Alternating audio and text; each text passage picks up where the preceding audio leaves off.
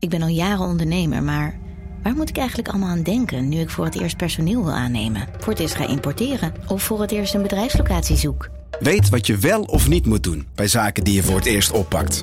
Check kvk.nl voor praktische stappenplannen. KVK, hou vast voor ondernemers.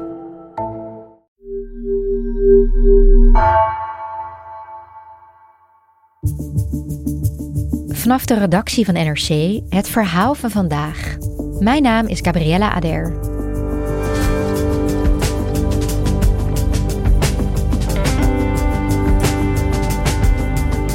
Tijdens de coronapandemie trokken mensen massaal weg uit Silicon Valley. Maar met de opkomst van AI keren de gelukzoekers weer terug naar de techregio. Economieredacteur Stijn Bronswaar ging naar San Francisco en zag hoe de techwereld wordt verscheurd tussen enthousiasme en bezorgdheid.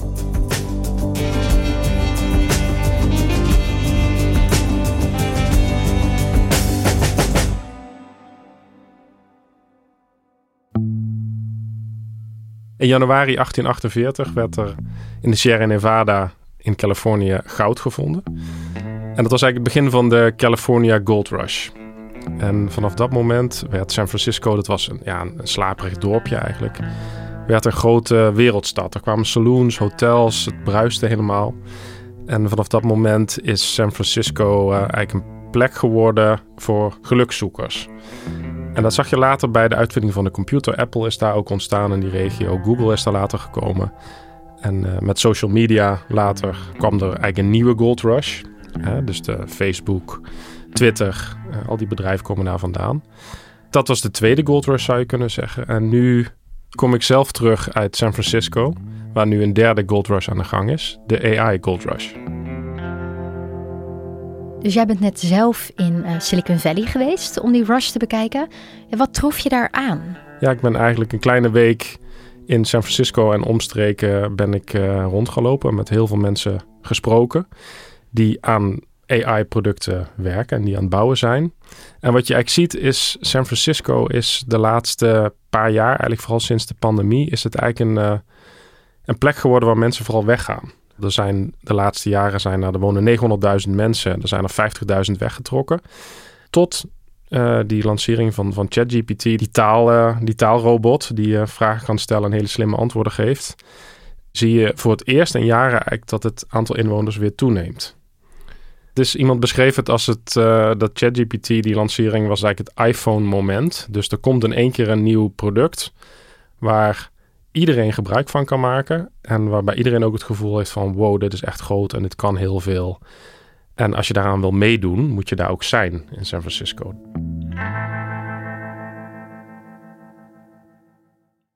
Ik ben naar uh, Palo Alto geweest. Dat is de plek waar ook Facebook onder meer is uh, begonnen. En ook de plek waar uh, Apple is ontstaan. Dus dat is echt eigenlijk een plek ja, waar de, de grote techbedrijven beginnen.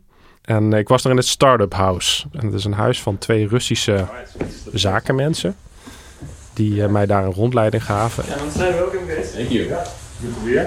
Het huis zit helemaal vol met mensen die een start-up willen beginnen. Yeah, I'm actually in the conversational AI space as well. Vijf slaapkamers en dan wonen iets van uh, ja, ongeveer tien mensen. In stapelbedden slapen ze. In een heel zo'n beetje studentachtige keukens uh, vol met afwas en dat soort dingen. But uh, you know, the, the AI boom, it's, it's kind of a new gold like. Mensen betalen daar 1400 euro per maand om in een stapelbed uh, te liggen.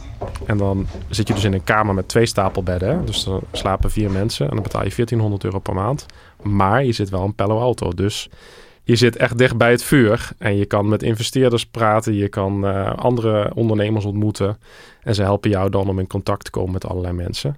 Ik heb een jongen uit China gesproken. Een jonge vrouw uit uh, Cyprus. Die waren met AI bezig en hebben nu het gevoel... ik moet nu hier zijn, want dit is nu waar het gebeurt. Dit is waar de investeerders zitten die geld in mijn bedrijf gaan steken. Dit is waar andere ondernemers zijn waar ik samen een bedrijf mee kan starten.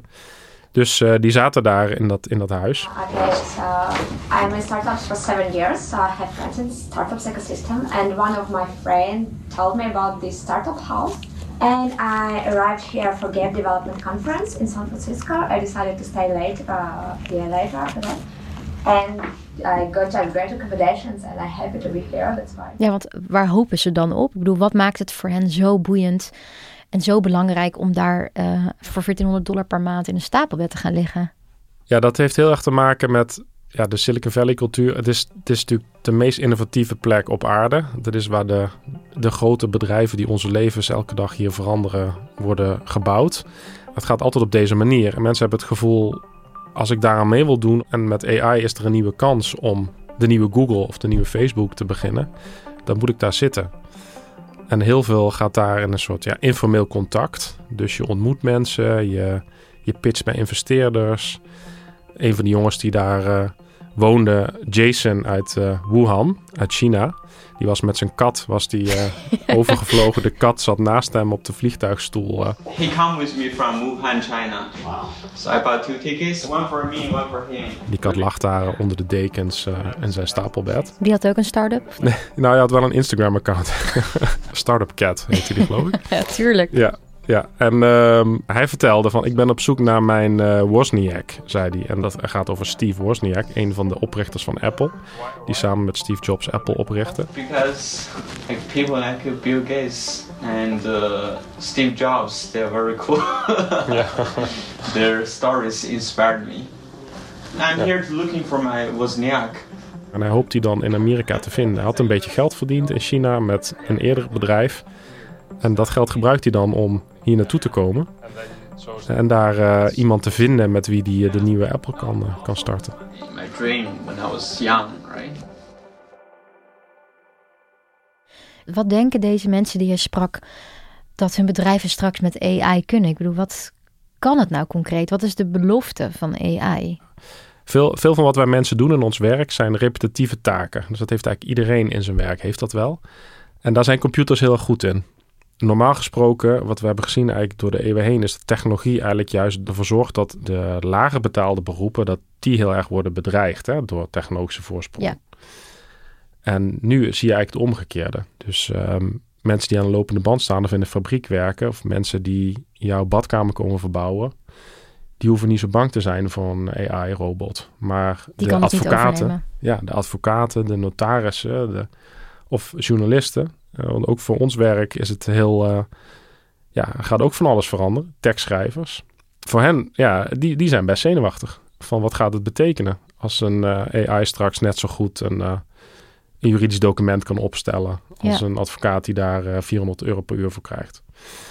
Programmeurs gebruiken het om code te checken en te helpen om met, met oplossingen te komen voor vraagstukken die ze hebben. Daar wordt het ook al heel fanatiek voor gebruikt. Dus daar wordt ook heel veel over nagedacht. Over gaat misschien totaal ook de manier waarop wij bepaald werk belonen heel erg veranderen. Gaat het misschien ook ja, hoe wij mensen opleiden, uh, gaat dat veranderen.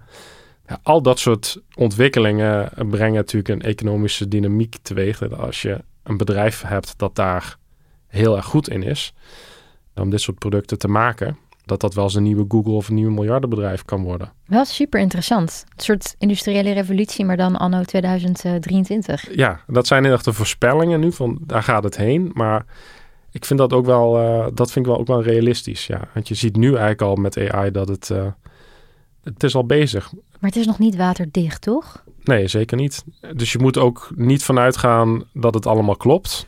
Bij code kun je dat redelijk goed checken. Maar als je als journalist het gebruikt om feitelijke informatie te vragen, daar kun je echt niet van uitgaan. Nee. Dus het is een hele goede taalmachine. Het kan heel goed samenvattingen maken. Het kan heel goed informatie uit honderden pagina's, belangrijke informatie destilleren bijvoorbeeld. Maar er zitten heel veel fouten in als je hem om informatie vraagt. Ja, dat is heel tricky, ook heel gevaarlijk. De potentie van AI klinkt natuurlijk geweldig. Maar het voelt voor mij ook een beetje onheilspellend als AI straks mensen gaat overnemen. Ja, kijk, dat is het ook. Want wat je nu ziet is dat wij nog, wij geven zelf de opdracht aan zo'n systeem en we krijgen iets terug. En waar het naartoe gaat en waar je het nu al langzaam naartoe ziet bewegen, is dat wij aan een AI een opdracht geven om nepnieuws bijvoorbeeld als voorbeeld te noemen.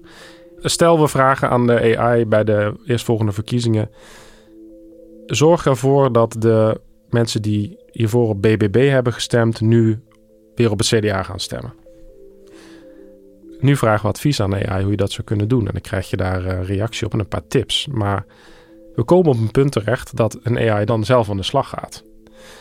En propaganda gaat maken. Dus filmpjes gaat maken, foto's gaat maken, teksten gaat maken voor social media. En dat over allerlei mensen gaat uitstorten.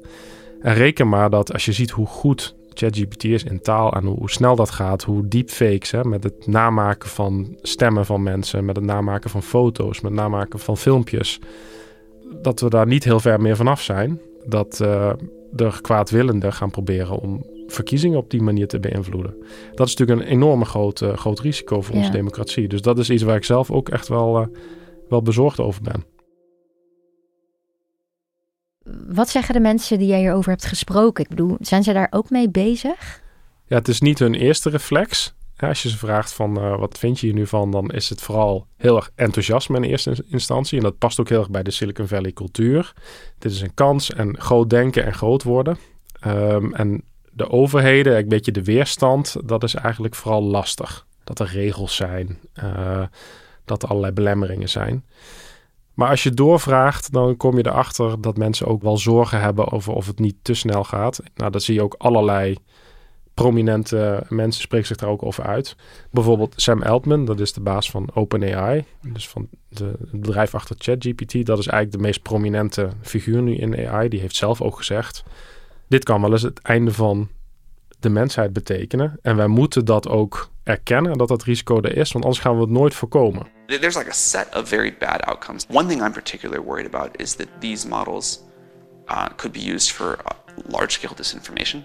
I am worried that these systems, now that they're getting better at writing computer code, could be used for offensive cyber attacks.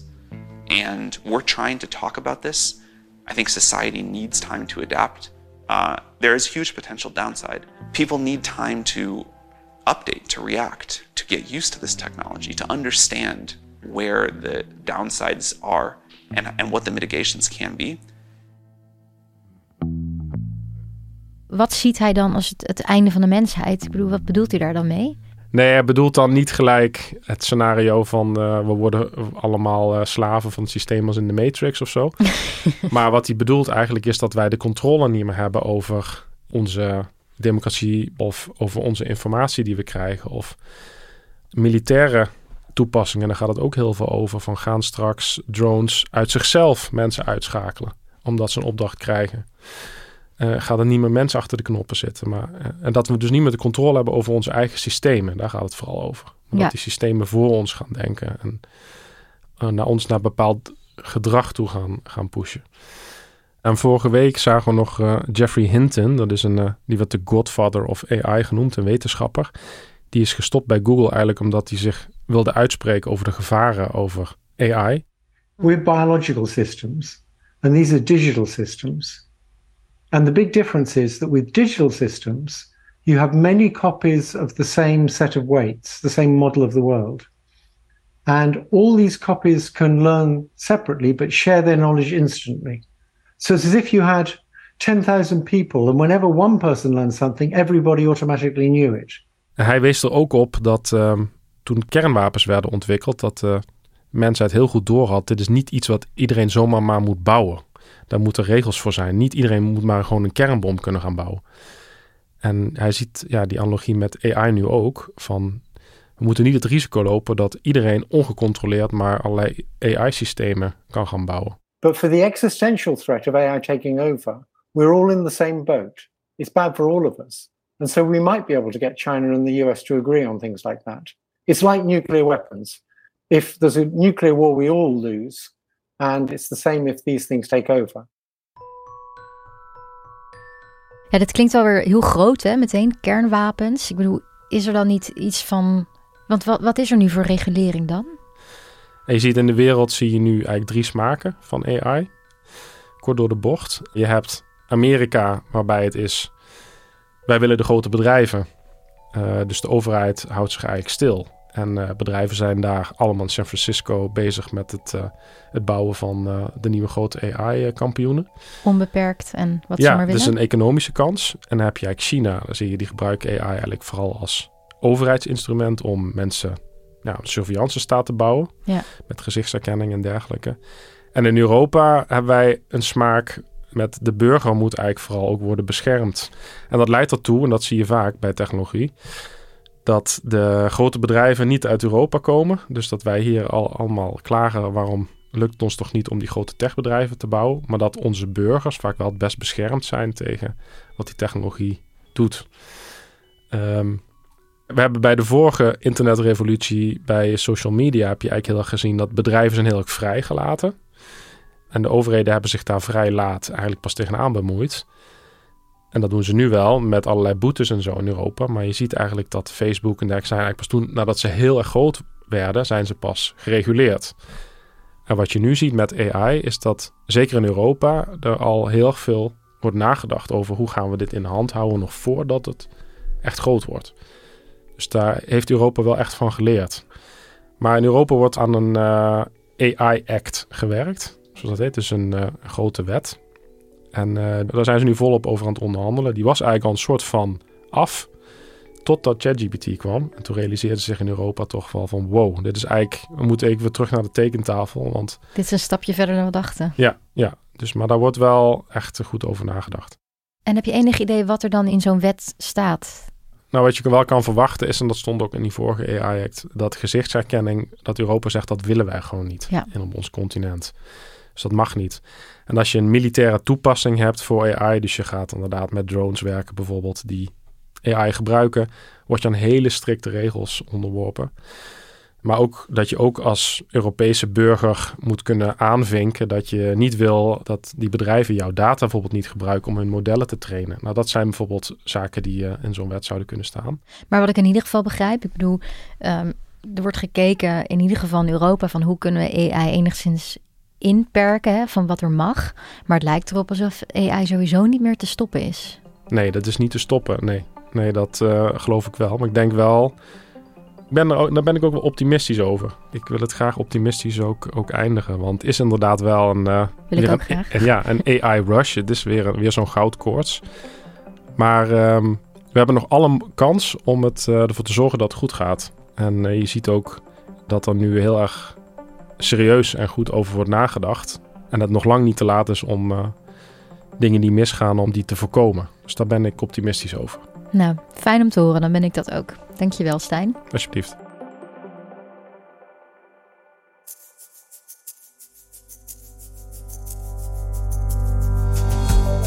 Je luisterde naar vandaag, een podcast van NRC. Eén verhaal, elke dag. Deze aflevering werd gemaakt door Iris Verhulsdonk en Galt Sadokhai. Coördinatie door Henk Ruigrok van de Werven. Dit was vandaag, morgen weer.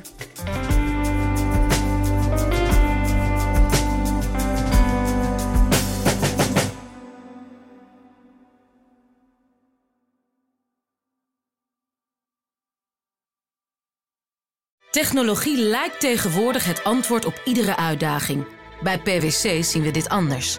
Als we de potentie van technologie willen benutten, kunnen we niet zonder een menselijk perspectief. Human-led, tech-powered noemen we dat. Ga naar pwc.nl.